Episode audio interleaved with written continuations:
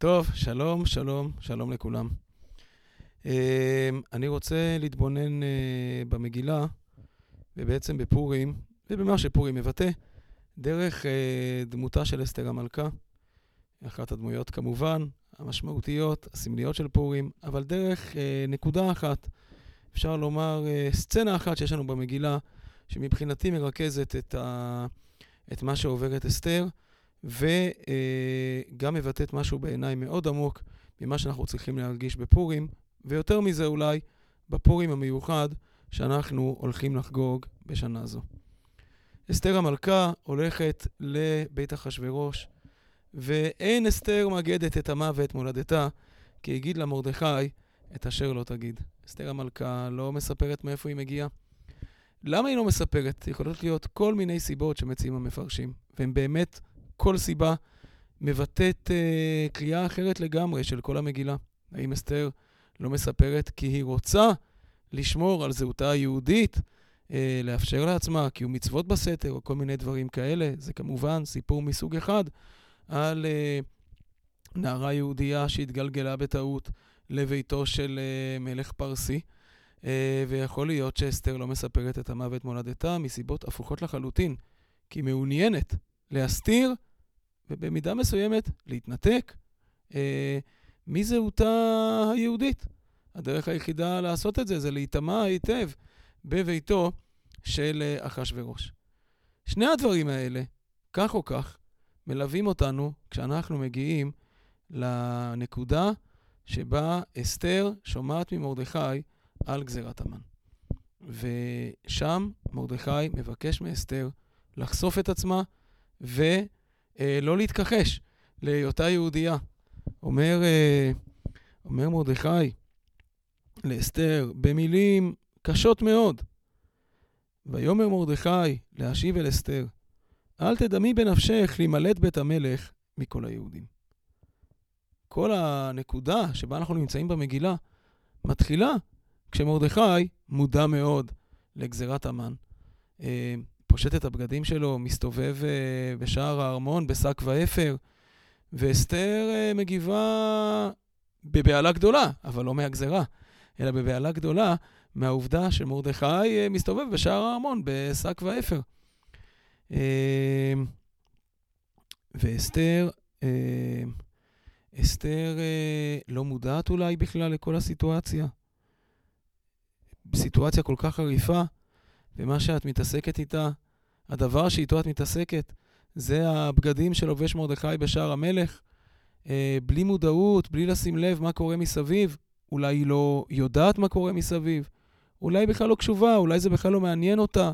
אנחנו נמצאים בנקודה שבה אסתר המלכה מנותקת לחלוטין ממה שקורה עם uh, עם ישראל, שאליו היא שייכת.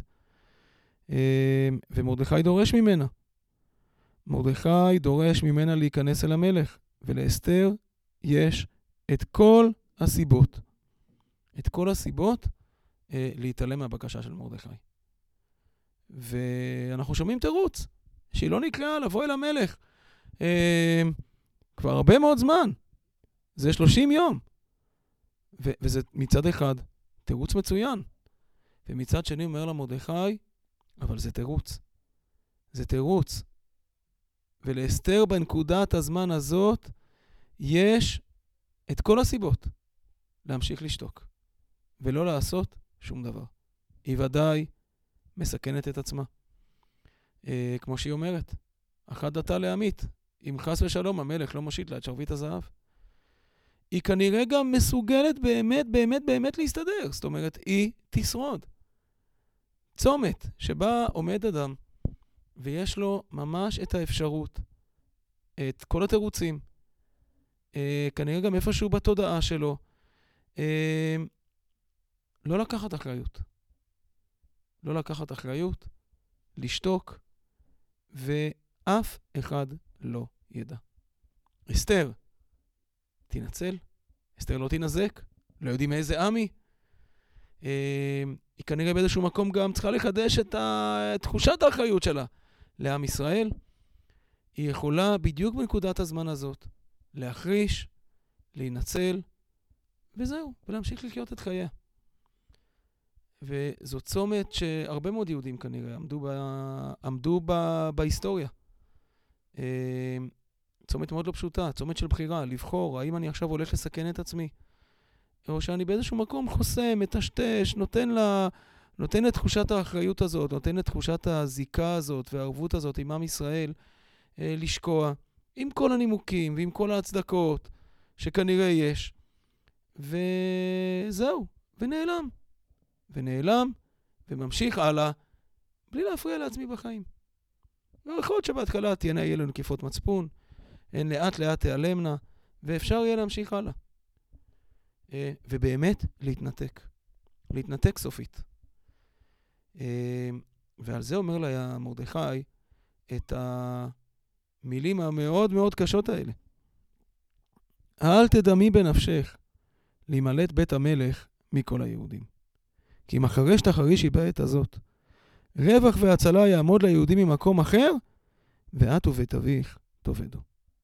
ומי יודע אם לעת כזאת הגעת למלכות. אנחנו שומעים פה משפטים שאנחנו קוראים אותם כשקוראים את המגילה אה, במנגינה עולצת כזאת, כל הקטע הזה, לקרוא אותו במגילה, זה חצי דקה.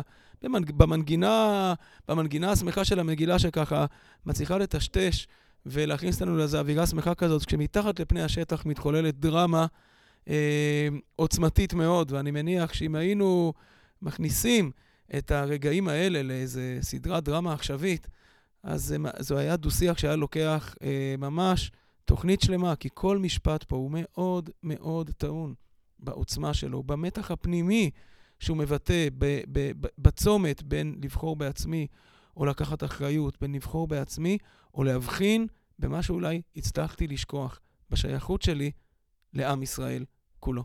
ומרדכי היהודי מספר לנו את הסיפור פה של מה שראינו בהרבה מאוד צמתים כנראה בהיסטוריה, של אנשים שמאוד מאוד קשה לשפוט אותם במבט לאחור. שבחרו לשתוק. ונעלמו. פשוט נעלמו. עבדו, מי זוכר אותם? מגלים אותם היום בכל מיני מקומות, צאצאים כאלה, צאצאים כאלה. הם בחרו לשתוק, הם בחרו להתעלם, הם בחרו להיעלם. הם בחרו להיעלם, ובאמת נעלמו. הם בחרו להיעלם כדי לשמור על עצמם. אבל הם נעלמו. ועם ישראל המשיך לחיות. אבל מרדכי גם טוען טענה באמת יותר עמוקה בהקשר הזה. הם נעלמו, אבל בחרו להיעלם מעם ישראל, ונעלמו מעם ישראל. ועם ישראל המשיך לחיות. ואת ובית אביך תאבדו. כלומר, לבחירה הזאת, להציל את עצמי, שהיא בעצם הבחירה בשלב הזה, בצומת הזאת, לנתק את עצמי, תודעתית, פנימית, נפשית, מעם ישראל, יש לה משמעות. את תצליחי להציל את עצמך, אבל בסוף את עובדי, ועם ישראל יחיה. ואסתר נדרשת לעשות ממש מהלך הפוך.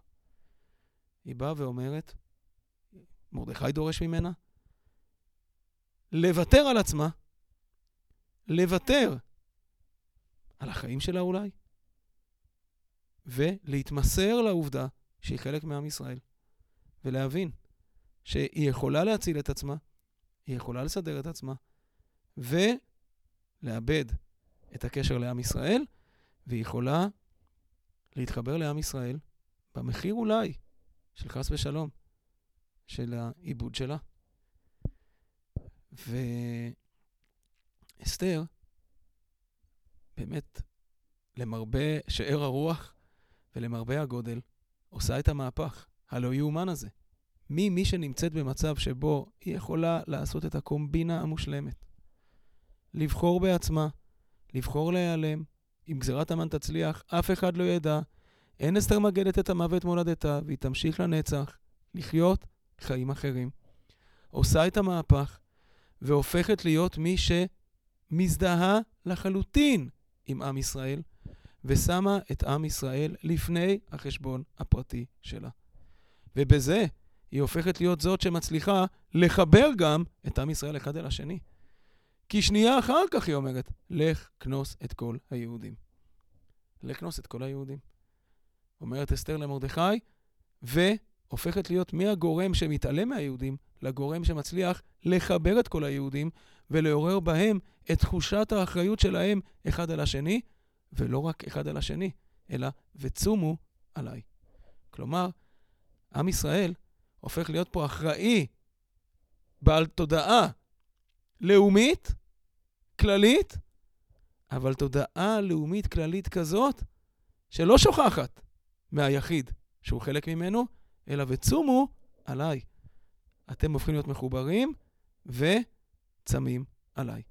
אני מקבל את המקום שלי פתאום, אומרת אסתר. אני מקבלת את המקום שלי בתוך כלל ישראל, אבל המקום הזה גם מחיה ונותן לי מקום.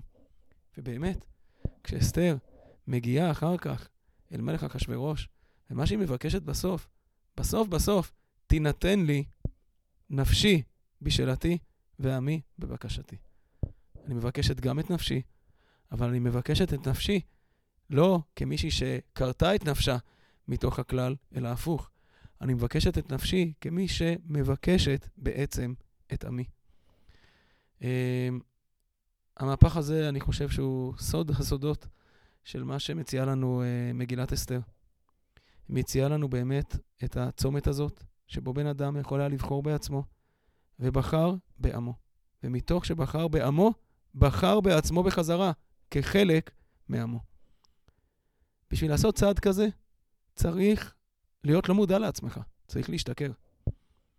אדם שמודע לעצמו, כל כך חווה את עצמו חזק, לא יכול לשכוח מעצמו, ולא יכול להגיע למצב שבו הוא מתמסר לדבר היותר גדול ממנו. השכרות של פורים היא שכרות שלוקחת אותנו למקום כזה. אנחנו בעצם שוכחים את עצמנו. שכרות יכולה להיות, בוא נשכח את הכל.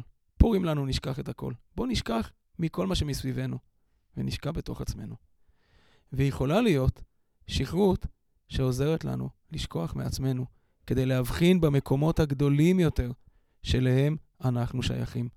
ומתוך זה לקבל מקום אחר, מקום חדש, מקום שבו אנחנו בעלי ערך כחלק מעם ישראל כולו. הדברים האלה נוגעים בי מאוד מאוד בתקופה שבה אנחנו נמצאים היום. איזה פורים הולך להיות לנו? איזה שנה עברנו? לדאבוני, עברנו שנה שחלק גדול מהשיח שלה התמקד בזה שאנשים נטו לעתים לזכור את עצמם ולבקש הטבות בשביל עצמם. העיקר שמישהו אחר ישלם את המחיר.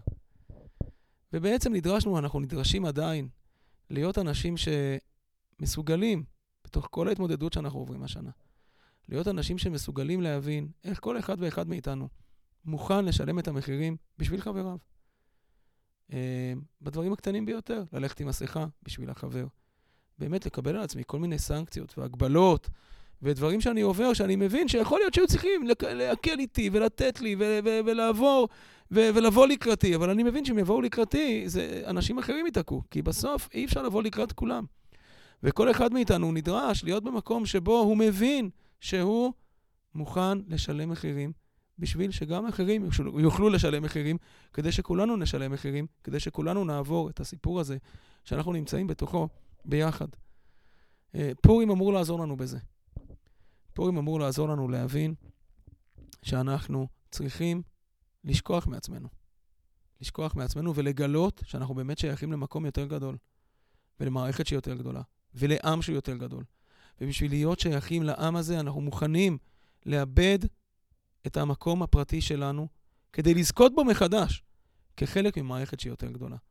וכשכולנו, כל אחד ואחד באופן אישי, וכולנו כחברה נשנה את ההסתכלות הזאת, ונקדים את השיקול הכללי לשיקול האישי שלנו.